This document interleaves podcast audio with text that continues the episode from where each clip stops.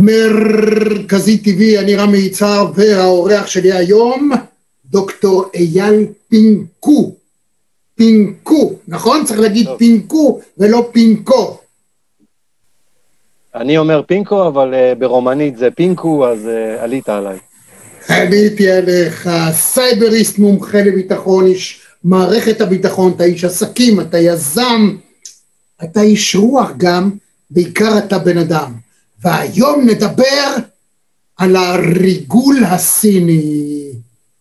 זה לא עניין של מה בכך. קודם כל נקדים ונאמר שבינתיים, לפי שעה, הסינים הם המרוויחים הגדולים ביותר מהקורונה. לא רק שזה יצא מאצלם, וכרגע כמעט שאין להם חולים, אין נדבקים, מדינה של מיליארד ושלוש מאות או שלוש מאות חמישים או וארבע מאות מיליון בני אדם, מספר אחד או מספר שתיים בעולם מבחינת האוכלוסייה, תמיד זה קצת הם, קצת ההודים, זה ביניהם. כל התוצר בכל העולם, בכל הכלכלות העולמיות, בירידה, בצניחה, הממוצע הוא 4.8 אחוזים, בישראל אגב זה 4.9 אחוזים יהיה, אה, תהיה כנראה הצניחה ב, אה, בתוצר ב-2020, הסינים ארבע וחצי אחוזי עלייה. אז נכון שזה פחות מהשישה אחוזים וחצי שהם היו רגילים שהיה בשנה שעברה, אבל עדיין הם בעצם המנצחים הגדולים. גבירותיי ורבותיי, צופות, צופים, מאזינות, מאזינים, אני גאה, שמח ומאושר לארח את פרופסור אולגה רז, שלום לך. ג'יה רון לונדון, שלום לך. שלום וברכה.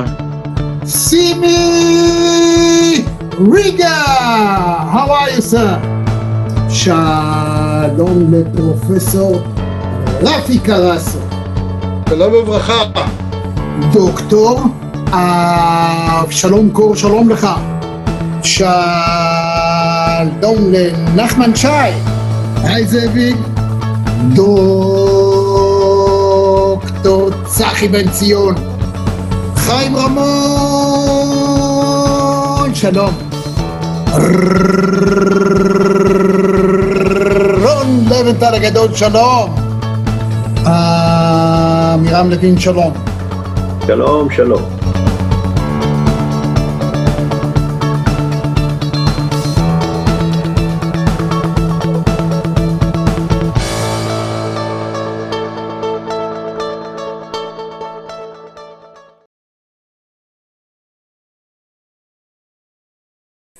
קודם כל, אני חושב שאם אה, בכלל נסתכל על הסינים כ, כמדינה, כמעצמה, אז בסך הכל כשמסתכלים על איך, איך הסינים פועלים, או איך הסינים בכלל אה, מתווים את האסטרטגיה שלהם כבר למעלה מעשור, בסך הכל הם עושים עבודה מדהימה, עם אסטרטגיה משובחת, אסטרטגיה מנוסחת היטב, כתובה, וגם מיושמת הלכה למעשה. אה, אסטרטגיה שבעצם נכתבה ב-2013 על ידי שי, מזכיר המפלגה הקומוניסטית, מה שקרוי בפינו One Belt One Road, או The Belt and Road Initiative, דרך המשי החדשה, הסינית, והסינים למעשה מיישמים אסטרטגיה כלכלית, מסחרית, מדהימה, רחבת היקף, בלמעלה משני טריליון דולר, אה, שכל כוונתם הם להיות אה, משפיעים, גורם משפיע עולמי בסחר העולמי, אה, והם קונים נכסים, מדינות, תשתיות לאומיות, חברות טכנולוגיות בכל רחבי העולם, במה שבהחלט נראה כמו אה, אסטרטגיה מנצחת, ואני חושב שגם חלק מהסיפור של ההתאוששות הסינית המאוד גדולה מהמגפה, תוך שלושה ארבעה חודשים, ויכולת אה, לחזור, להפעיל עסקים, להפעיל מסחר, להפעיל דרכי סחר, בין אם ביבשה ובין אם בים, היא מדהימה והיא מוכיחה את עצמה הלכה למעשה. כשאתה אומר דרך המשי, אז פעם לדרך המשי הייתה קונוטציה אימפריאליסטית. יחד עם זאת, הסינים כן. הרי בהתנדבות בנו מסביבם חומה. דהיינו, בגדול הם, אין להם צבא שהם שולחים, הם לא מתערבים, אתה לא רואה מעורבות סינית בפעולות טרור, במחתרות, הם באים בגלוי, הם עושים אימפריאליזם כלכלי, לוקחים את הדולרים האמריקאים ואת היורו באמצעות סחורות שהם מוכרים, ועם זה עכשיו במקום שיהיה להם סתם שורה בבנק, הם מנסים להשתלט על העולם במובן הכלכלי. אבל המגמה שלהם היא אימפריאליסטית, כן. אך ורק להעשיר את עצמם, לעלות, לשפר את המצב של האוכלוסייה, להעשיר את כולם, לסגור בין הפערים למיליארדרים הגדולים החדשים שצצו לבין האוכלוסיות שעדיין ברמה אה, פחות מאפריקאית, עולם שלישי או רביעי? תראה, לאסטרטגיה הסינית יש אה, שתי מטרות מרכזיות. המטרה הראשונה זה להשיג עוצמה מדינית, וה, והמטרה השנייה בעצם לייצר, אה, לחזק את הכלכלה הסינית ולאפשר לשוק הסיני לחיות אה, באופן, באופן חזק וטוב. כמו שבסדרה האמריקאית ידועה, שאלו מישהו האם אתה מעדיף עוצמה או, או כסף, התשובה הנכונה הייתה לעוצמה, כי עוצמה מביאה את הדברים האחרים. אז הסינים בעצם פועלים בשני, בשני נתיבים מרכזיים, שזה אחד, כמו שאמרתי, העוצמה, להשיג עוצמה מדינית, אה, ומיד אני אפרט על כך, והשני זה להשיג עוצמה כלכלית. במקביל לשני הדברים האלה, כדי לתמוך את הפעולות האלה, הם גם מחזקים את הצבא, בעיקר את חיל הים, בעיקר את הצי הסיני, שכבר רואים אותו פועל בכל רחבי הים התיכון והים ההודי, אה, וכמובן בים, בים הסיני, בים אה, הדרומי. והצבא הסיני פועל בעוצמה רבה, גם גופי המודיעין הסינים פועלים בעוצמה רבה, לחזק בעצם כמאמצים תומכים למאמצים המדיניים והכלכליים. וכשאני מדבר על עוצמה מדינית, אז uh, ראשית, uh, אין, אין ספק שיש פה תהליכים מדיניים כבדים מאוד, שהסינים מגיעים למדינות, בעיקר למדינות עולם שלישי, מדינות נחשלות. מביאו, סין מביאה איתה המון המון כסף, קונה תשתיות לאומיות, משקיעה בהלוואות למדינה, וכשלמדינה אין יכולת להחזיר את הכסף, הרי היא מחזירה uh, בתמורה לזה בהשפעה, ביכולת השפעה, ובהשתלטות על נכסים אה, כלכליים. זה בציר הראשון. בציר השני, כשאני מדבר על, בעצם על עוצמה כלכלית, אנחנו מדברים על השקעה סינית רחבת היקף בכמעט כל תעשייה, ותכף נדבר גם קצת אולי על הפן הישראלי, ואנחנו מדברים על השקעות רחבות היקף באירופה, באמר... באמריקה, דרום, דרום, מרכז וצפון. אנחנו מדברים על השקעות בסין, סליחה, באפריקה ובכלל באסיה, כשמה שהסינים עושים, הם רוכשים חברות בקנה מידה רחב מאוד, את חלקן הן רוכשים אה, במיעוט מניות, אבל עם, רצ... עם הבטחה שבעצם החברה תקים סניף נוסף בסין כדי להעביר ידע, להעביר את יכולת הייצור לתוך סין, או שהם אה, בכלל אה, רוכשים חברות באופן אה, מלא, משתלטים עליהן, מעבירים ידע לסין, וגם מצד אחד משתמשים בידע, אבל גם מצד שני מרוויחים את, התמורה, את הכספית שהם מגיעים מתוך החברות האלה. אלה בגדול שני המודלים הכלכליים המרכזיים שסין אה, אה, עושה בהם שימוש. הש, השאלה המרכזית לפי דעתי היא, או אני רוצה להבין על כל פנים, מה מטרת ההשפעה? למה אם זה אך ורק לצרכים פנימיים, דהיינו לנצל את היתרונות הטכנולוגיים של העולם, לקנות כמה שאפשר יותר פטנטים וחברות וידע ואחר כך להגיע לכלל מימוש כי הם ידועים בכך שהם יכולים לחקות כל דבר ואפילו יותר טוב מהמקור נכון. או למטרות אימפריאליסטיות כי למה להם בעצם? בשביל מה להיות אימפריה? מה אכפת להם? כן קודם, קודם כל, כפי שהוגדר באסטרטגיה הסינית, שהגדיר אותה שיא, אה, הנשיא, המזכ"ל, ב-2013, הוא הגדיר את זה כך, ואני אקרא פשוטו כמשמעו. אה, המטרה של האסטרטגיה זה לבנות קהילה גלובלית, החולקת את אותו חזון ואת אותם אינטרסים כקהילה גלובלית את האינטרסים של סין, כדי להבטיח את הכלכלה ואת העוצמה של סין. זה, לא, כך זה נוסח. זאת אומרת שבסוף להבטיח כמעט, את הכלכלה. את הכלכלה ואת העוצמה של סין. ו, ואם רגע מסתכלים אחורה בזמן ומנסים להבין למה, הרי שסין, אני חושב, אה, הדבר הזה נטוע חזק מאוד לא רק בתרבות הקומוניסטית השולטת בסין, אלא גם בסריטה העמוקה שסין חוותה במלחמת העולם השנייה, בהשתלטות, הכמעט השתלטות היפנית אה, על סין, וסין החליטה שלעולם חוסן כן יהיה, והסיפור הזה ביחד עם הקומוניזם, אה, והרצון להבטיח כלכלה ועוצמה באים לכדי ביטוי באסטרטגיה הסינית.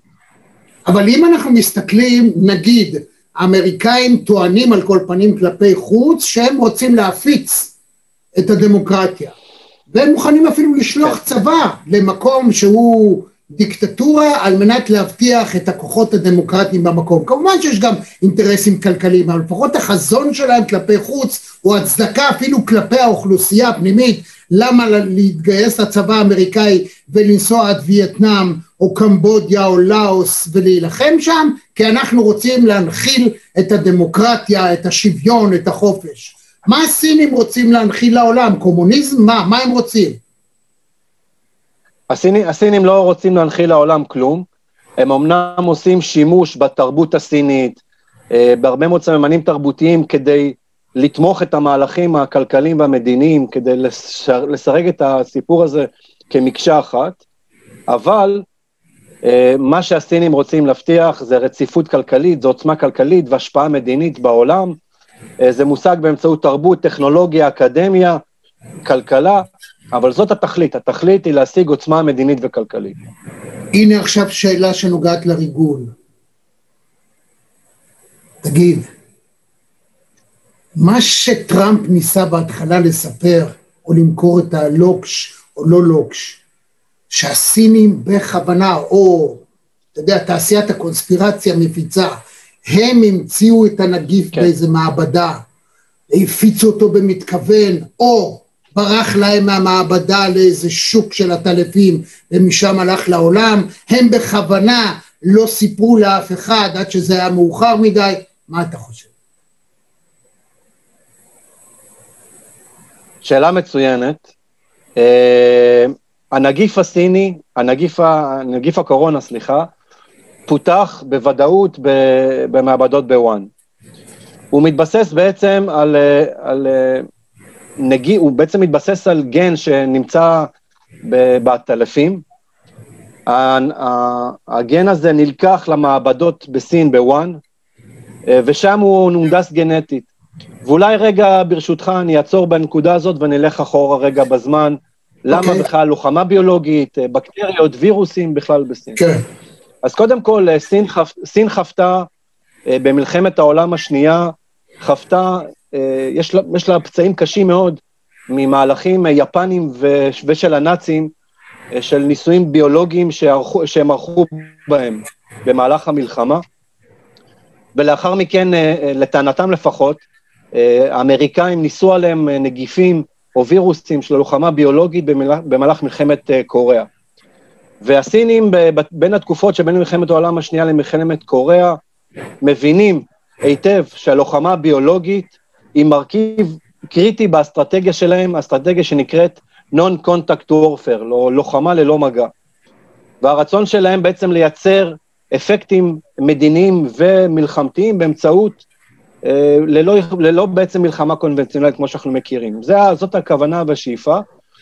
כחלק מהסיפור הזה, סין מפתחת מגוון אמצעים, שזה לוחמה כימית, לוחמה ביולוגית, סייבר, אה, לוחמת אה, תודעה, ועוד אה, מגוון אמצעים אחרים. ו- ואם קוראים כתבים סינים ממלחמת העולם השנייה ועד ימינו דהנו, אנחנו רואים שהסיפור של לוחמה ביולוגית תופס מקום נרחב מאוד בתפיסה האסטרטגית הסינית. זה, זה אחד. כלומר, אה, אם. אני חושבת את זה, כן.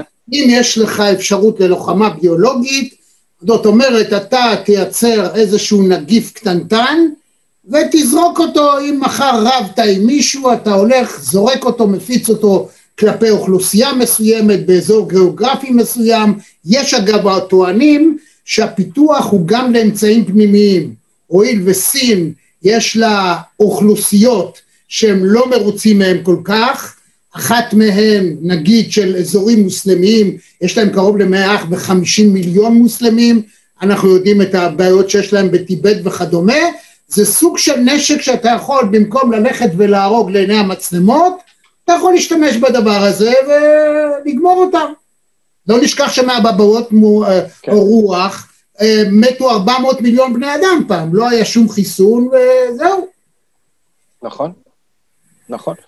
אז אה, קודם כל, אה, נשק ביולוגי, האיכות שלו הוא, קודם כל, הוא קל מאוד לייצור, הוא זול לייצור, הוא קל מאוד לתובלה, והוא גם קל אה, עכשיו לפיזור. עכשיו, כמובן שיש סוגים שונים של נשק ביולוגי, חלקם משפיע על אוכלוסיות רחבות, חלקם באזורים מצומצמים, תלוי במה, במה אתה בוחר. עכשיו, סין מחזיקה היום למשהו כמו תשע מעבדות שונות, שהמפורסמת ביניהן היא המעבדה בוואן, עליה כולנו שמענו. הם אגב מצהירים שהם אה, מחזיקים מעבדה אחת בלבד לצרכים של אה, פיתוח תרופות, ולא, וזה לא ממש נכון, ב, בעצם בכל מיני אה, כתבים מודיעיניים אמריקאים שמוצגים בקונגרס האמריקאי מזה מספר שנים, מפורטים למעלה מתשעה מכונים שונים. אבל Mm. המכון בוואן הוא המכון הנודע ביותר. רק להזכיר, ב-1999 ברח מהמכון בוואן, ברח אה, משם נגיף האיידס, ה-HIV, ברח משם, בתקלה שהיא תקלה בטיחותית, אה, והם השתלטו עליו די מהר. מספר שנים לאחר מכן אה, ברח משם נגיף הסארס, וגם הסארס גבה לא מעט חיים, הרבה פחות מהקורונה, אבל גם הוא גבה חיים לא מועטים, והסינים גם עליו הצליחו להשתלט תוך שלושה ארבעה חודשים ולחזור לשגרה. גם נגיף הסארס ברח מאותה מעבדה בוואן. עכשיו, המעבדה בוואן היא מעבדה ברח? בה... אייל, מה, מה זה נקרא בורח? כמעט לכל מדינה יש מעבדות מהסוג הזה, גם בישראל יש מה שכולנו יודעים, אותו מכון שמנסה עכשיו למצוא את החיסון. אה, מה זה נקרא ברח? איך בורח אה, דבר כזה? איך זה קורה ב- בפועל? בפ- בפועל מישהו עושה שגיאה בטיחותית, לא מקפיד על נוהל, אה, לא מקפיד על, אה, על, על חבישת או, או שימוש באמצעי בטיחות, ובעצם נדבק, מדביק את עצמו, מדביק את הסובבים אותו ב... זאת אומרת, מה שאנחנו אומרים זה ככה. בשביל לפשט, יכול להיות מצב שבן אדם, אה, נגיד, לקח את הבגדים הביתה, או אה, לא החליף את הבגדים, מי שהיה פעם, ביקר פעם במעבדות של טבע, יודע איך זה נראה, איך בני האדם עובדים, אני לא אדבר על מעבדות אחרות, אבל נגיד מעבדה כמו טבע, שהרבה אנשים מסתובבים, או אפילו אינטל, בקריית גת במקומות מסוימים, אנשים, כמו שאתם רואים עכשיו את החליפות האלה, פחות או יותר כך בני האדם עובדים כל החיים.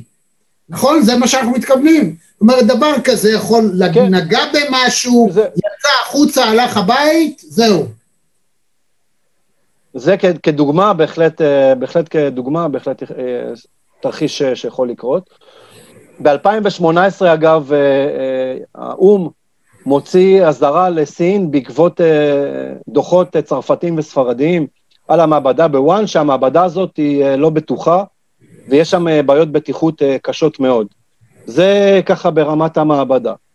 אם מסתכלים, אם מחפשים באינטרנט ואפשר למצוא דוחות יפים מאוד של רופאים סינים מהמכון, הרי שבמכון פותחו מ-2009-2010, מתחילים להופיע דוחות על הגילוי של נגיף הקורונה, סארס, חלק הוא בן למשפחת הסארס, מבוסס על גן שהתגלה בעטלפים, ובעצם אה, הוא נמצא באינטרנט, אפשר לקרוא את הדוחות האלה, והם בעצם מגלים ומספרים שהם מצאו אותו ועשו עליו כל מיני עבודות גנטיות, כל מיני עבודות הנדסה גנטית, אה, ובעצם לשבח את, ה, את הזרע, מה שנקרא. להשביח יותר מזה, ישנם פרסומים שהם שכרו מומחים אמריקאים.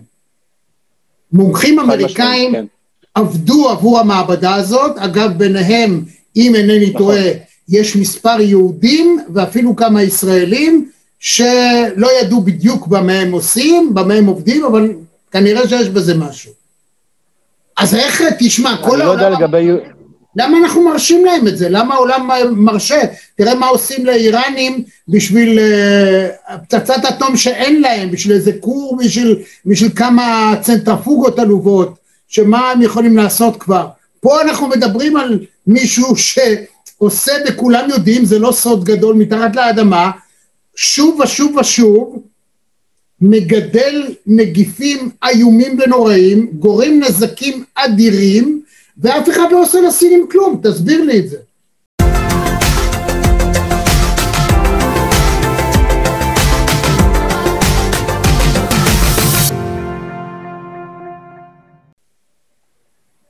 תראה, יש, יש היום, משנות ה-70, יש אמנה למניעת הפצת נשק ביולוגי.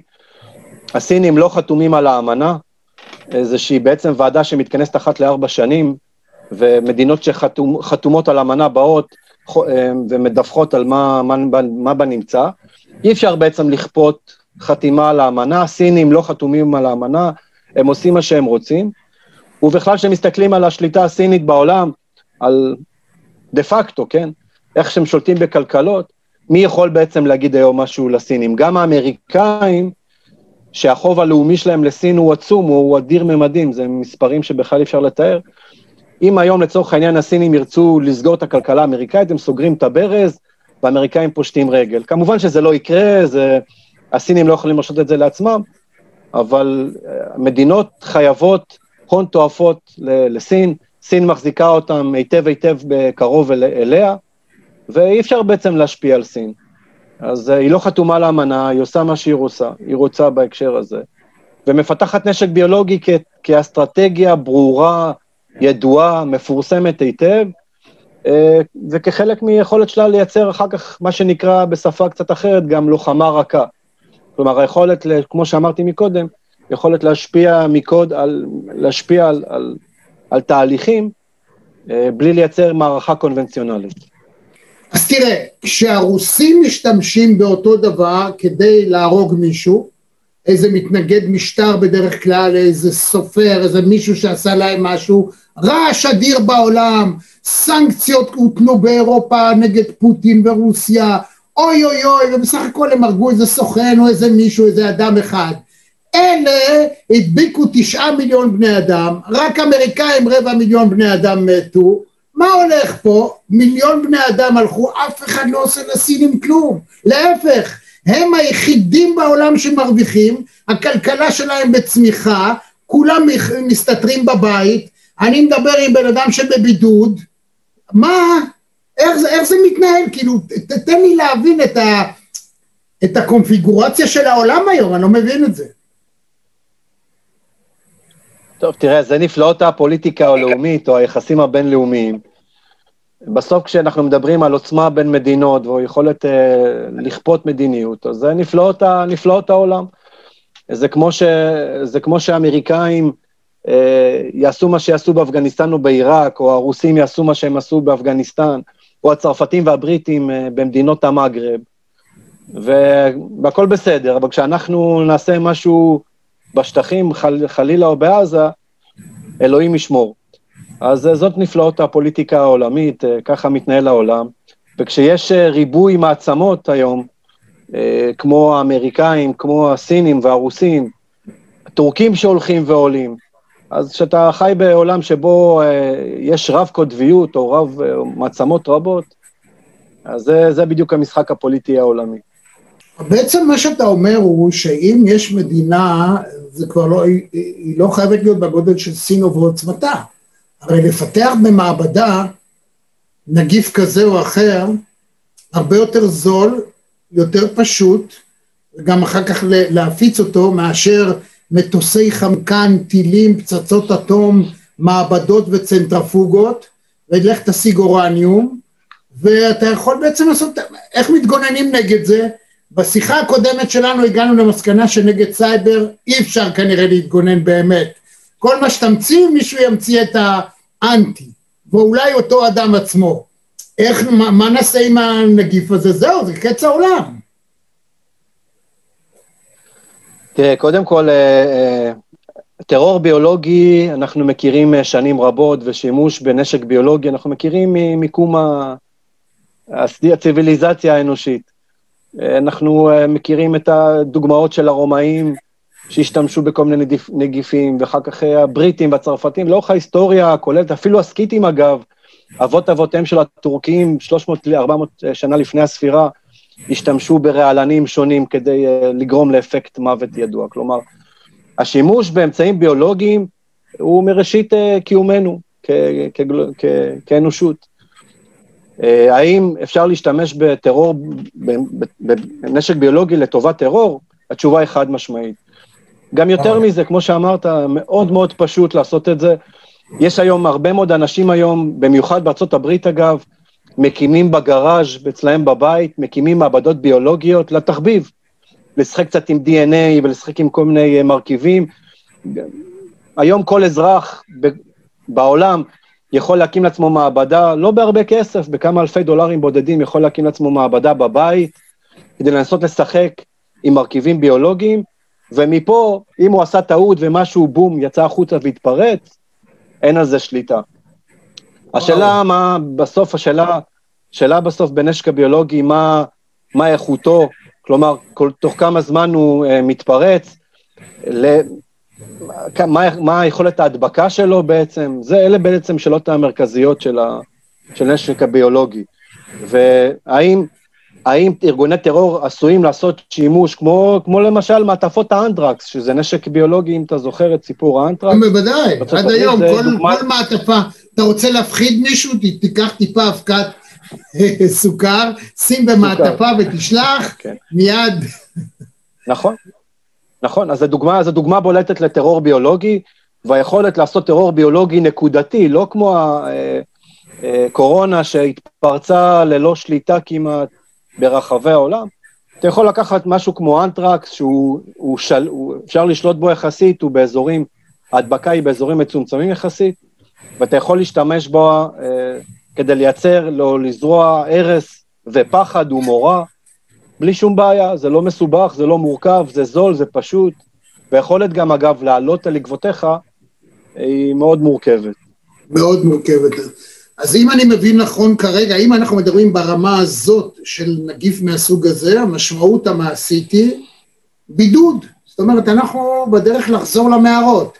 יפסיקו לטוס, אתה יודע, מדינות אי כמו ניו זילנד ואוסטרליה וכאלה וטיוואן סוגרות את עצמן מיידית ולא מאפשרות למישהו להיכנס ולצאת. גם לנו אתה רואה איך בבת אחת אתה מקטין תוך שבועיים מעשרת אלפים נדבקים ביום לפחות מאלף, ואתה בעצם יכול לייצר סוג של אה, לחיות עם זה, אבל אתה משנה את התרבות האנושית, את ההתנהגות האנושית. מצד שני, צריך לקחת בחשבון שבאותה מעבדה אפשר לעשות משהו שהוא הרבה יותר מדבק, הרבה יותר מסוכן, אתה יכול לשים אותו במים, אני יודע, תמיד אמרו מקורות המים וכדומה, להזליף כמה טיפות לכנרת ו...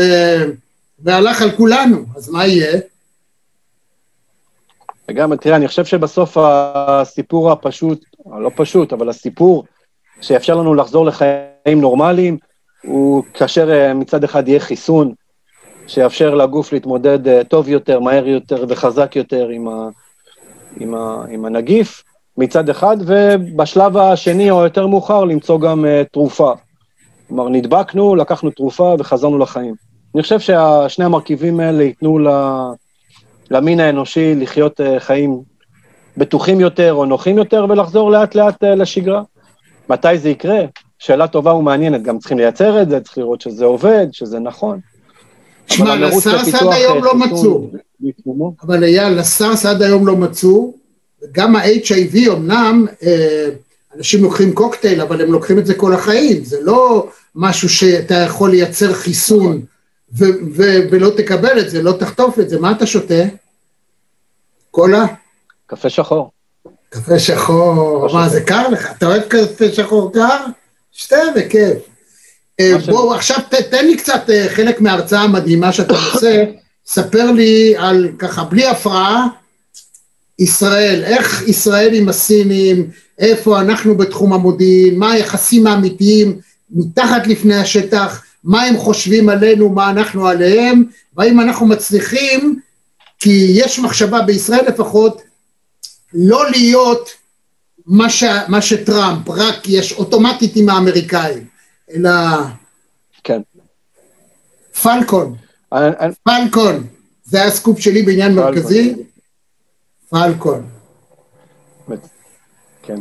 אז אני חושב שאני דווקא אתחיל אה, בלהסתכל רגע על המאמצים במבט מקרו, ממבט, אה, ממעוף הציפור, על, על הפאזל המודיעיני, או איך בעצם סין אוספת מודיעין ומה היא עושה כדי להשתמש בזה, ואני אגע תוך כדי בנקודות על איך אנחנו בישראל. כי, כי מצד אחד ישראל היא אה, מדינת שלום, אנחנו ביחסים כלכליים ודיפלומטיים טובים עם סין, יש חילופים של סטודנטים, אקדמאים, כלכליים, אנחנו מייצרים בסין, השמיים והגבולות עם סין פתוחים, מצד אחד, ומצד שני סין מחוברת חזק מאוד למשולש שנקרא חיזבאללה, איראן, אה, צפון קוריאה. והאם סין היא ידיד או יריב? בואו נדבר על זה. אז למעשה, כשאנחנו מדברים על, מדברים על סין, על סין, על איסוף המידע, סין תומכת את כל המאמצים הכלכליים, המדיניים שלה, תומכת אותם באיסוף מודיעיני. האיסוף המודיעין הוא חלק משמעותי ומאוד מאוד חשוב בסיפור הזה. איך, איך למעשה סין עושה את זה? סין עושה את זה בכמה, בכמה דברים.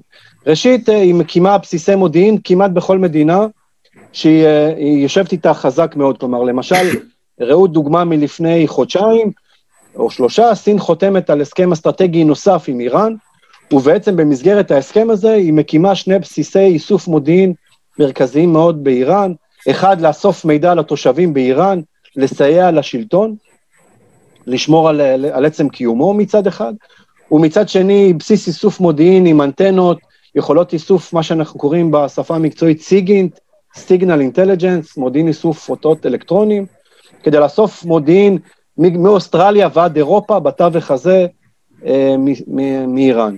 אז קודם כל יש איסוף מודיעין באופן קבוע, גם עם כלי שיט שלהם ועם בסיסים ועוד הרבה מאוד אה, דברים אחרים. הדבר השני בעצם שסין אה, מפעילה כדי לאסוף מודיעין, הוא, ואגב, רגע, אני אפתח פה סוגריים, ראו סין מקימה אה, בנמל חיפה, מקימה את הנמל, תתחזק את הנמל עכשיו לאורך שנים רבות מאוד קדימה. האם סין תקים בנמל חיפה יכולות איסוף מודיעין משלה? אני לא יודע את התשובה. אני הייתי מהמר שברבות הימים בהחלט בהחלט תהיינה שם יכולות איסוף מודיעינית אה, סיניות. ובעצם שאנחנו רואים, אנחנו רואים את זה בארגנטינה, על הקמת בסיסי איסוף מודיעין בארגנטינה, אה, בסוריה, בגיאורגיה ובמדינות נוספות, כמובן שגם באפריקה, אז ממש בסיסי איסוף מודיעין מאוד מאוד משמעותיים שסין באמצעותם אוספת מודיעין רגיל.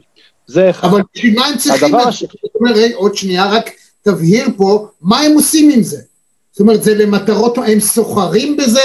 זאת אומרת, הם יאספו עלינו מידע וייתנו לחיזבאללה? הם הרי לא מתערבים, הם אוספים לשים, מה שאני יודע זה איסוף לשם איסוף, שאלה הם אה, בסיסי נתונים, אבל הם לא מסכסכים, הם לא משתמשים בזה, או נותנים לצפון קוריאנים אה, אה, או לאיראן חומר עלינו, אם אני מבין נכון, תקן אותי. תראה, אני לא יודע, אבל עצם העובדה שסין ואיראן מפעילה ביחד, במשותף, בסיסי איסוף מודיעין, שבהם אוספים מודיעין, סין אוספת מודיעין כי היא רוצה להבין את התנועות של האמריקאים ולהבין מה האמריקאים עושים, כי מבחינתם האמריקאים הם יריב, זה מחד. אבל כשיושבים בחדר אחד, קציני מודיעין, עם אותם אמצעים, אה, מאיראן ומסין ואוספים ביחד, הרי שיש העברת מידע באופן, אה, באופן ברור ומסודר. אין פה, לא חושב שצריך לנחש. האם הסינים מעבירים עכשיו מידע על תנועות של צבא ישראלי לאיראנים או, או לסורים? אני לא יודע מה התשובה הנכונה. הייתי מהמר שכן. שכן? אה, כן. או למה? כשאתה בעל ברית אסטרטגי של מדינה, לא, למה שהוא ייתן לאסד? אתה בעל ברית של מדינה ואתה אוסף... אם יש לך אינטרסים פה... אני לא אומר שנותן ישירות לאסד. אה, הבנתי. כן. אני לא, אומר, mm. אני לא אומר כשנותן ישירות לאסד, אבל כש... אני, כמו שאמרתי, כש... ואפשר לקרוא בעיתונים, זה אין, אין פה שום, שום סודות מדינה. הכל כתוב באינטרנט. Uh, כשיושב, uh, או יושב גוף מודיעין סיני ואיראני ביחד, ואוסף ביחד מודיעין על כל מה שקורה בזירה, בים, באוויר וביבשה, אז באופן, אותו, באופן אינהרנטי יש אינטראקציה בין הגורמים, ואוספים ביחד, ומדברים ביחד, ומשתפים שיטות איסוף ביחד. הרי שיש שיתוף פעולה מודיעיני, אה, כך שסביר מאוד להניח שבהחלט יש העברת... אתה יודע, בתחומי, בתחומי ארגוני השושו תמיד אומרים שכשיש שיתוף פעולה כזה, זה הדרך הטובה ביותר להשיג מידע על השותף שלך. ולמעשה הסינים, כשהם עושים שותפות עם האיראנים, הם יודעים על האיראנים הרבה יותר דברים ממה שהאיראנים רוצים שהם ידעו. אתה יודע, תמיד היה, היו לנו, גם לנו היו עניינים אמריקאים, מפולארד ועד דברים אחרים ורבים נוספים שהיו. זאת אומרת, תמיד יש גם ריגול הדדי, יש אינטרסים, זה לא תמיד חופף במאה אחוז, אבל אתה בעצם אומר, כבדהו וחשדהו לכל אחד, כולל הסינים. איפה אנחנו? כאילו, אני מבין, החשש קיים, אבל עד כמה הוא רציני, הם, אנחנו יכולים לראות בהם אויב? כאילו מה, ההסכם הזה הופך את הסינים מתקרבים יותר לאיראנים, או דווקא הופך אותם לסוג של מרגיע? הרי בצפון קוריאה, צריך להגיד את האמת, שכשהיה חשש בארצות הברית, הם ביקשו את עזרת הסינים, בואנה תרגיע אותם, תלך לשמנמן הזה ותרגיע אותו, והוא הרגיע אותו. היה שלב שבו המנהיג הסיני אמר לו די, מספיק עם השטויות, והוא הפסיק. זאת אומרת... אני, אני ברשותך רוצה לשמור את השאלה הזאת לסוף, אה, מיד אחרי כן. שאסיים רגע את, ה, את, את, פירוט, את פירוט המאמצי האיסוף הסינים, ומפה נדבר רגע אם סין או יריב או, או, יריב או ידיד, או גם וגם. כן. אז, אז למעשה אמרתי, בעצם החלק הראשון הוא בעצם להקים בסיסי איסוף אה, אה, מודיעיניים ובסיסי צבא שבאמצעותם אוספים. האלמנט השני הוא, או כשמתחילים לדבר על האלמנטים האחרים, הם כולם נוגעים לאלמנטים רכים של איסוף אנושי. התוכנית הראשונה שבאמצעותה הסינים אוספים מידע מודיעיני, כלכלי, טכנולוגי על מדינות אחרות, כולל על ישראל, היא תוכנית שהותוותה ב-2008 ונקראת תוכנית אלף הטאלנטים, אלף הכישרונות.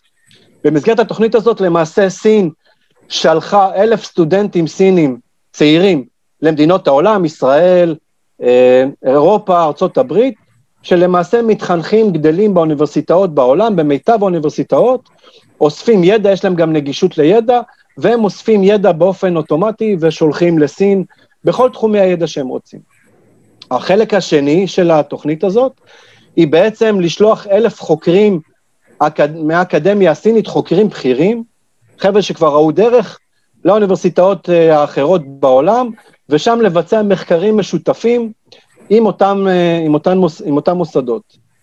אנחנו רואים בתקופה האחרונה, אגב, אה, באופן מדהים, ציינת את הסיפור שמצאו ריגול ביולוגי סיני בארצות הברית, אז למעשה באוסטרליה, בקנדה, בבריטניה, בארצות הברית, התגלו לאחרונה הרבה מאוד מקרים שבעצם מדענים, חוקרים סינים שנמצאים שם במסגרת uh, תוכנית אלף הטאלנטים, הם בעצם קציני צבא סינים שאוספים מידע בכל מיני תחומים, החל מלייזרים ונשק ביולוגי וכימי ועוד uh, תחומים רבים uh, מאוד אחרים, שבסוף מגיעים לשם, הממשל משלם להם כסף רב, הממשל הסיני, והם אוספים מידע במסגרת מחקר אקדמי טהור. החלק השלישי של תוכנית הטאלנטים היא בעצם החלק המעניין אולי ביותר, והוא בעצם שהם מביאים, הביאו לסין אלף אה, מומחים מהאקדמיות השונות בעולם, ושם בסין הקימו להם יכולות. לא רק שהם הקימו להם יכולות, הם הקימו שם גם יכולות בנושא נשק ביולוגי. אחד מהפרופסורים מהאווארד נתפס לאחרונה בזה שהוא בנה שם בוואן, בנה מעבדה מדהימה מקצה לקצה, שעוסקת בעצם בפיתוח של נשק ביולוגי, אה, בלי שהוא היה משוטה אגב, הוא הבין היטב היטב מה הוא עושה אותו פרופסור מהאוורד. ובעצם הם מביאים ישראלים, אמריקאים, אירופאים לסין במסגרת מחקרים אקדמיים, ושם שופכים את הידע. שוב, הסינים רוצים לבנות לעצמם יכולת כלכלית, מדעית, טכנולוגית עצמאית, בלי תלות באחרים, והריגול התעשייתי-כלכלי הזה הוא מבחינתם אירוע קריטי ו- וראשון ממעלה. אז זאת למעשה, זאת למעשה התוכנית. אם נסתכל על הזווית הישראלית, אז המל"ג, בעצם המל"ג הישראלי חתם על הסכם שיתוף פעולה ב-2013 עם המל"ג הסיני, ויש הקמה של מרכזי חדשנות של הטכניון, של אוניברסיטת תל אביב בסין, כבר מ-2014-2015, ובעצם כסף רב מאוד מגיע מסין לאוניברסיטאות בישראל. מחד, רעיון נפלא, האוניברסיטאות בישראל זקוקות לכסף הזה, גם אנחנו זקוקים לו כמדינה, זה נותן לנו חיים, זה נותן לנו חמצן כמדינה, בטח ובטח למחקר אקדמי שבעיניי הוא קריטי, אבל מצד שני גם המידע הזה עובר לסין, והוא משותף לסין, וגם כחלק מה, משיתוף הפעולה, כל מה שמבוצע בסין הוא תחת ה-Know-how הסיני ולא הישראלי. כך שבעצם אנחנו מפסידים פה ידע, מפסידים ומרוויחים כאחד, הייתי אומר. אז הרבה מאוד חוקרים ישראלים, סטארט-אפים ישראלים עוברים לסין, מקבלים כסף מסין, אז אנחנו מייצרים לנו פה כלכלה טובה, מייצרים פה תזרים כלכלי טוב, אבל הסודות שלנו, שאנחנו אולי רוצים לשמור, אה, נמצאים בסין. החלק השלישי בסיפור הוא מכוני קונפוציוס. אה, מכוני קונפוציוס, רשת שלמה של מכונים, למעלה מ-500 מכונים בעולם, כב-150 מדינות. בישראל פועלים שני מכונים, אחד באוניברסיטה העברית ואחד באוניברסיטת תל אביב, שבעצם פועלים בחסות התרבות, מפעילים כאילו אמצעי תרבות, מלמדים סינית, מביאים את התרבות הסינית פנימה, אבל מכון קונפוציוס בעולם, במיוחד במדינות אה, אה, אוסטרליה, אירופה וארצות הברית, אה, מכוני קונפוציוס הולכים ונסגרים בגלל הממשלים המקומיים באותן מדינות, מכיוון שהם מבינים שהמכונים האלה משמשים כתשתית כיסוי, כתשתית מבצעית למבצעי ריגול סינים. זאת אומרת, הסינים באים בחסות התרבות, ובאמצעות המכונים האלה הם מפעילים סוכנים, מרגלים, והם מביאים הרבה מאוד uh, מידע. מה שאנחנו קוראים בשפה שלנו, הנדסת תעשייה וריגול. אז זה, זה בעצם מכונים, בארץ הם פועלים באדיקות רבה. שוב, אנחנו ככה בין התרבות, בין הנגשת התרבות הסינית, השפה הסינית, לבין תשתית כיסוי אה, מסודרת. ואנחנו, כמו שאמרתי, אנחנו רואים בעולם הרבה מאוד אירועים כאלה ש, שפרופסורים ואנשי אה, MI6, המוסד הבריטי, ואנשי האיחוד האירופאי שנתפסים לאחרונה בקצב מסחרר, כמי שמסייעים לפעולות המודיעין הסיניות, הם מספקים להם תעודות עיתונאים, מספקים להם תשתית כיסוי נרחבה, נרחבת מאוד, אה, כדי שהמרגלים הסינים יוכלו לפעול בסך הכל בשלווה, אה, בשלווה גדולה. כשמסתכלים על אזורים שבהם גם אה, חיים סינים, אזרחים סינים, כמו הברית ובקנדה, אנחנו גם רואים שהרבה מאוד חבר'ה כאלה הם פונים לרגש שלהם, הסינים פונים לרגש שלהם, לבית אבא, הסבא או הסבא, ובאמצעות תשתית אידיאולוגית נרחבת מאוד, יש הרבה מאוד מקרים, יש צד מכשפות רחב מאוד היום הברית בשנתיים האחרונות, שהאמריקאים מוצאים סינים רבים מאוד שפועלים ב-CIA, בסוכניות מודיעין אחרות, בצבא ובמקומות אחרים, שבעצם בשם האידיאל, בשם בית אבא, מרגלים עבור סין ומעבירים סודות מדינה רגישים מאוד אה, אה, עבור סין. כך שסין מפעילה אה, מגוון רחב מאוד של אמצעי אנוש, בין אם זה דרך אקדמאים ואנשי רוח ועיתונאים, ובין אם אה, אה, אזרחים לשעבר, או חבר'ה שממוצא סיני, מפעילים אותם באופן קבוע לאורך זמן רחב מאוד. אחרון אחרון חביב בסיפור הזה זה תקיפות הסייבר, דיברנו עליו בפעם האחרונה שנפגשנו, אבל גם תקיפות הסייבר אמצעי משלים לאיסוף המודיעין הכולל.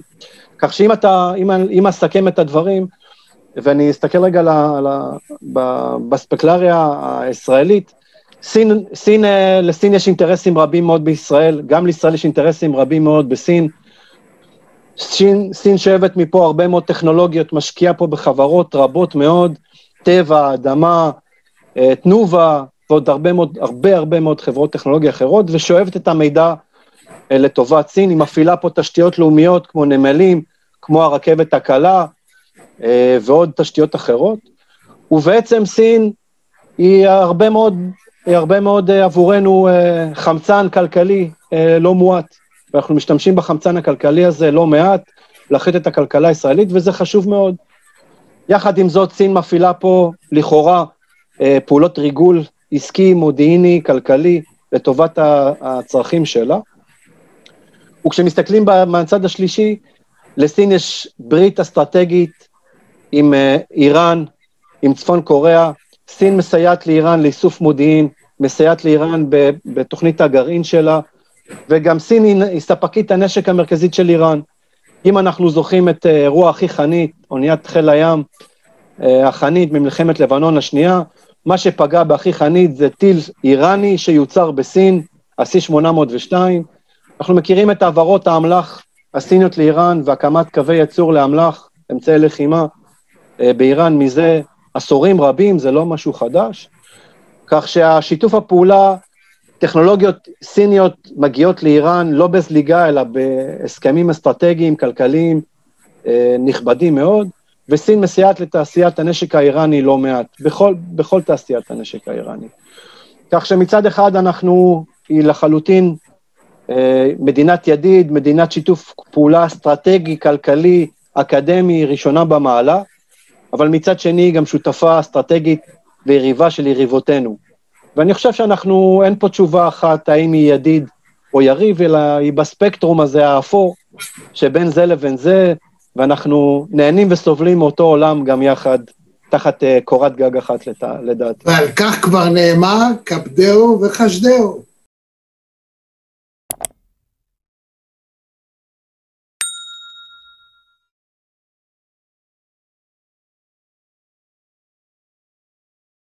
טראמפ, מה שהוא עושה לסינים, ההשנאה, מה שנקרא, הוא גורם לשנאה ולקיטוב ולסוג של יריבות של כל העולם המערבי נגד הסינים, ובכל זאת, אנחנו שבוע לפני הבחירות אה, לנשיאות ארה"ב, אנחנו שומעים, שומעים על מעורבות אולי של כן. פוטין, אולי של גורמים אחרים, אפילו איראנים וכדומה, אנחנו לא רואים ואין שום הוכחה שסין, שיש לה את האינטרס מספר אחד שהוא לא ייבחר טראמפ מחדש, שהם עושים משהו. זאת אומרת, אם הם עושים, או שהם יודעים להסתיר את זה טוב טוב טוב, או שהם עושים באמצעות פרוקסי, או שהם אומרים, אנחנו נחכה, אנחנו לא באמת נתערב ברגל גסה. מה אתה חושב? תראה, כשמדובר ב... טראמפ העליב אותם את, האומה הסינית באופן שלא יישכח. כשאתה קורא לזה הנגיף הסיני ואתה מאשים אותם במשך חודשים באופן ישיר ומלוכלך אפילו הייתי אומר ואתה אומר הם אשמים בהפצה הם לא סיפרו לעולם וכדומה מה שטראמפ עשה לסינים והם לא עושים לו שום דבר אז יכול להיות הספיגה שלהם היא ראויה לציון תראה, גם אין, אין באמת גם הוכחות שהרוסים מתערבים בתהליכי הבחירות באמריקה. אבל אם כבר עסקינן רגע בדקה אה, על מה זה מעורבות בתהליכי בחירות, אז כשאתה יכול, כשאתה רוצה להשיג אפקט של מעורבות בתהליך בחירות, אתה יכול מצד אחד לגרום לחוסר אמון של המצביעים בת, בתהליך עצמו. למשל, אתה מפיל את הקלפיות, אין ספירת קולות, או כל מיני תהליכים כאלה משתבשים, והמצביע פשוט אומר לעצמו, אני לא יכול לסמוך שהמערכות אכן אמינות. זה האפקט הראשון. האפקט השני יכול אה, לומר, אה, או לגרום בעצם למצביע לא להאמין לתוצאות שהתקבלו, שזה אפקט מעט שונה. כלומר, אני אה, משבש את ספירת הקולות, ועכשיו אני לא יודע אם הצביעו לטראמפ X או לביידן Y. אני בעצם לא יודע מה, או בכל מדינה אחרת כמובן. האפקט השלישי הוא בעצם אה, לייצר השפעה על דעת הקהל. השפעה על דעת הקהל באמצעות מה שאנחנו קוראים בוטים או רובוטים שמייצרים הד תקשורתי, מייצרים אה, מסע פרסומי רחב מאוד ברשתות החברתיות, ובאמצעות זה משפיעים על תהליכים. האם הסינים עושים משהו מהם? אני לא חושב שאנחנו יכולים לדעת, או הרוסים אגב. האם uh, יש להם אינטרס uh, לעשות דברים כאלה? אני גם לא בטוח. אני בסוף חושב שהכלכלה הסינית וה, והמדינה הסינית הם חזקים מאוד, יש להם יכולות כלכליות מדיניות רבות עוצמה להשפיע. הם בהחלט יכולים להפעיל uh, רובוטים כאלה מבפנים ומבחוץ למדינה ולהשפיע על התהליכים. אני חושב שבעולם הזה, כמו שכתוב בנסיך הקטן, הדברים החשובים סמויים מהלב, או סמויים מן העין, ואני חושב שגם כך אה, בעניין הזה. אז בואו נדבר על הנסיך של מקיאוולי, שזאת אה, שיטת ה... הנסיך של מקיאוולי דן בעצם מה שיטת השלטון הטובה ביותר שיש. והמקוויאליסט, כן. מספר אחד בעולם היום, אתה יודע איך קוראים לו? בנימין נתניהו. הוא עובד לפי זה. ואגב, אני ממליץ לכל אחד לנסות לקרוא לפחות את התקציר, או לשמוע ולהבין מה הטיף, למה הטיף מקיאוולי, ואיך ביבי מיישם את זה בחיי יומיום בצורה מושלמת. אם אנחנו הזכרנו את הבוטים וכדומה, צריך להגיד שהיום המלחמה או התעמולה היא נעשית באופן מאוד מאוד מתוחכם. מה זאת אומרת? היום המידע שנאסף על כל אדם ואדם זה נגיד ככה שהמחשב היום יודע עליך יותר ממה שאתה יודע על עצמך. ולכן אני יכול לדאוג לשלוח לך מסרים כאלה ואחרים, שלמשל, אם אתה חושש מאי ודאות, אני אייצר לך אי ודאות כזאת בשלושת הימים האחרונים שלפני הבחירות, שגם אם אתה הכי שונא את טראמפ, אז אני יכול לייצר מצב שבו נגיד, תשמע, אם לא תבחר בטראמפ, זהו, הולך להיות חורבן עולם, אנחנו לא יודעים מה יקרה מחר. ברחובות ירוצו אנשים, יהרסו את המשטרה, כל אחד יודעים מה נקודת התורפה שלו ודואגים שהוא יקבל מידע לא באופן ישיר, מאוד עקיף, שגורם למתלבטים בעיקר ברגע האחרון להצביע עבור מי שהם רוצים, והטענה היא שזה מה שנעשה נגד הילרי קלינטון ברגע האחרון, כי כל הסקרים הרי הצביעו בפעם הקודמת לכך שהיא מנצחת, ועובדה שגם מספר האמריקאים שהצביעו בעד הילרי הוא גדול יותר מאשר מספר האמריקאים שהצביעו בעד טראמפ, אבל הם ידעו לגרום במקומות הנכונים, בגלל השיטה האמריקאית שהיא די סבוכה, אני לא אכנס אליה עכשיו, אז להצביע במקומות הנכונים כך שבסווינג, באותן מדינות הספורות שבהן שם מה שיקבע, גם עכשיו זה יכול לקרות. והמלחמה הגדולה היא שלוש, ארבע, חמש מדינות מבין החמישים, ששם ייקבע מי יהיה הנשיא הבא של ארה"ב. לסינים אין ספק שהם לא רוצים את טראמפ, אין מה להתווכח. האיראנים בוודאי שלא רוצים, ואם מדברים על איראנים אז אתה אומר יש שיתוף פעולה, יכול מאוד להיות שהסינים, שהאיראנים הם הפרוקסי שלהם לצורך הזה. אני לא יודע למה פוטין בכל זאת אומרים עליו שהוא רוצה את טראמפ שימשיך לעוד קדנציה, מן הסתם הוא יודע למה, או שכאילו יש ביניהם מלחמה אבל מתחת לפני השטח הוא כן. עוזר לו, בטח מה שהוא עושה לאירופים, לך תדע, אבל איפה אנחנו בסיפור? אנחנו במצב טוב או לא? לפי דעתך. כמו שאומרים, כמו שאומרים, אין שום דבר אישי, אלא הכל, הכל אישי. הכל ביזנס. כמו שאומרים, כן, כן, כן. אני חושב, ש, אני חושב שקשה מאוד להתנבא ולהבין uh, בעצם מה קורה. יש הרבה מאוד uh, במערכות היחסים בין מדינות שתלויות uh, בעצם במנהיגים עצמם ובמערכת היחסים האישית שבינם.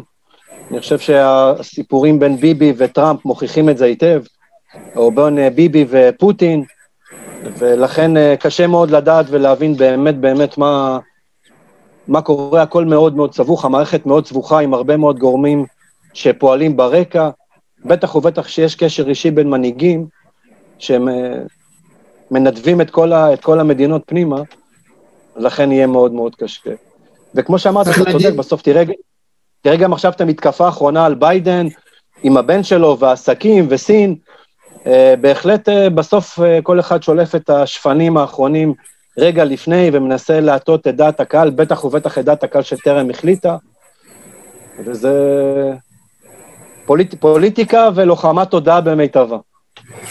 זה נכון, ולהבנתי, כמו שאני שומע מכל מיני גורמים שגם אתה מכיר, אז uh, עוזרים מאוד לטראמפ, יש גורמים בינלאומיים רבי השפעה שעוזרים לו דווקא מאוד בניסיון ככה להפר את האיזון, לביידן מהצד השני אין לו הרבה אפשרויות, אלא, איך הוא קורא לו? סליפי, סליפי ג'ו.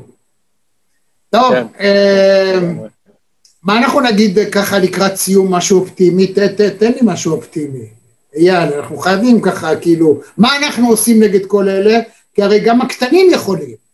אז אם דיברנו על נשק ביולוגי, אז כדאי לאנשים, זאת אומרת, גורם ההרתעה, הרי כולם פוחדים מאיתנו.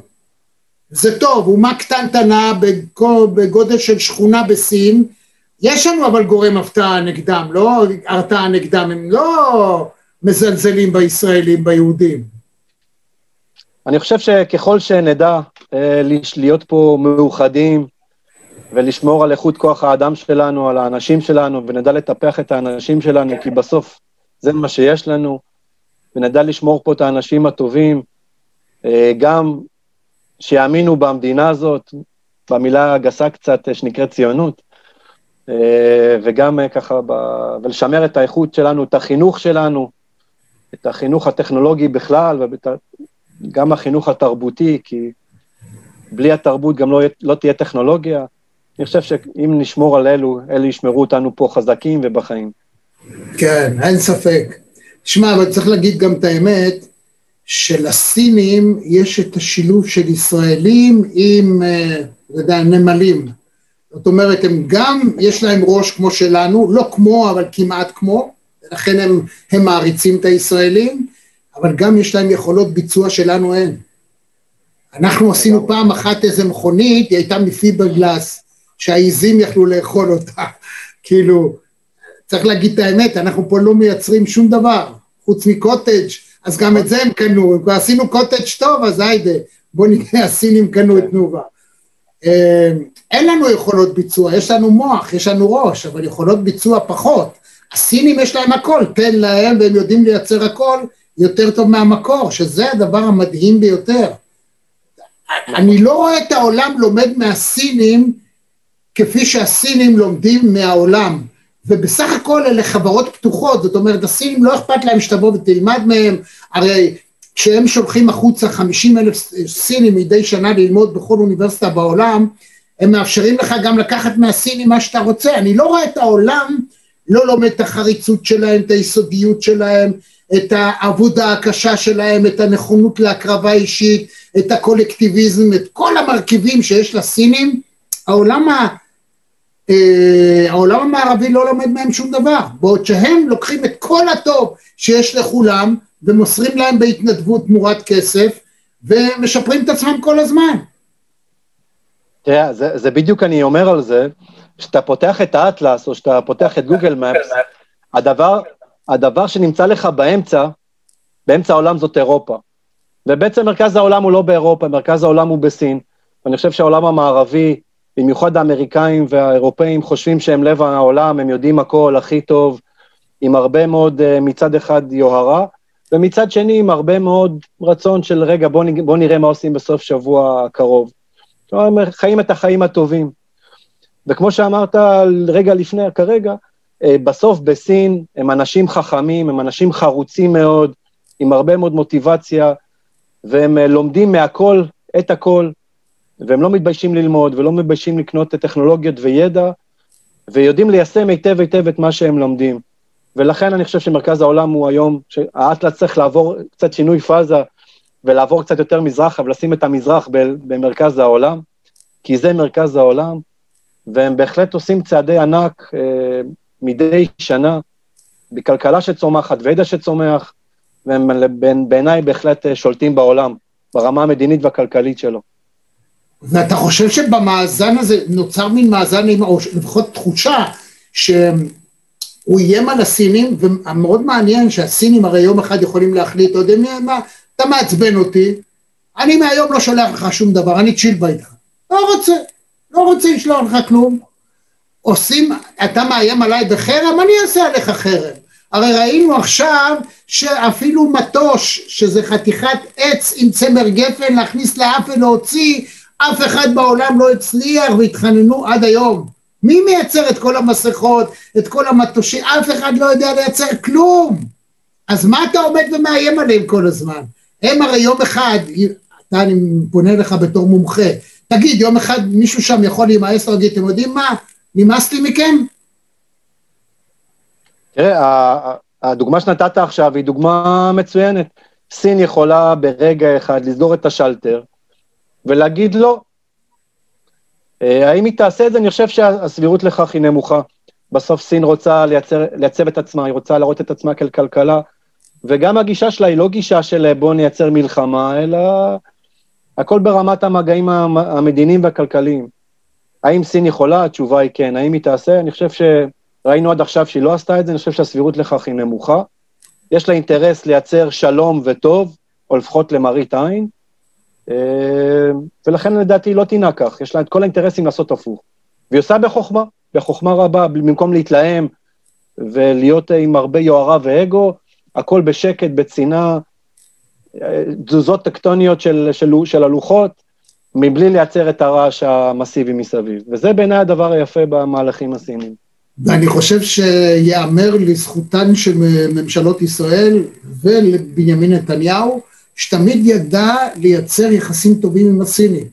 אנחנו עם הסינים ביחסים יוצאים מן הכלל, ולהפך, עוד מתקופת ברק יש גם סוג של חשש שמא זה יותר מדי, אבל אנחנו בסדר. וזה מאוד חשוב שישראל, שהייתה פעם הכי מבודדת בעולם, היא היום נחשקת בכל מקום, בזכות אגב אנשים כמוך, כמוך, לא כמוני, אני רק מדבר, אתה עושה.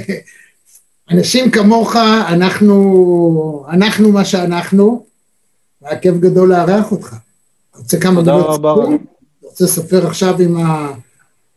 איך, אתה, איך עוברים עליך ימי הבידוד? עברו שלושה ימים, עוד שבוע לפניי, באופטימיות גדולה ויהיה בסדר. שתי קפה, שחור חם, תעביר בכיף את הזמן, תראה הרצאות מהסוג הזה, מפגשים מרתקים שאנחנו עושים כאן במרכזי TV עם האנשים הכי בולטים בכל התחומים שיש. גם אתם תעשו לייק, אה, תירשמו ואז תשמעו על הסקופ הבא שלנו, תודה שהייתם איתנו, תודה לך. תודה רבה רבה. תודה אושר, רבה. כיף תמיד. אני מאחל לך בריאות, אושר ואושר מופלג. אמן ואמן. תודה רבה רבה. שמחתי כרגיל. להתראות. תודה רבה. עד כאן מהדורה נוספת של מרכזי TV. אם היה לכם כיף, אם נהניתם, אנא לחצו לייק וגם על הפעמון כדי לקבל רמז על המפגש הבא שלנו. אני רמי יצהר, להתראות.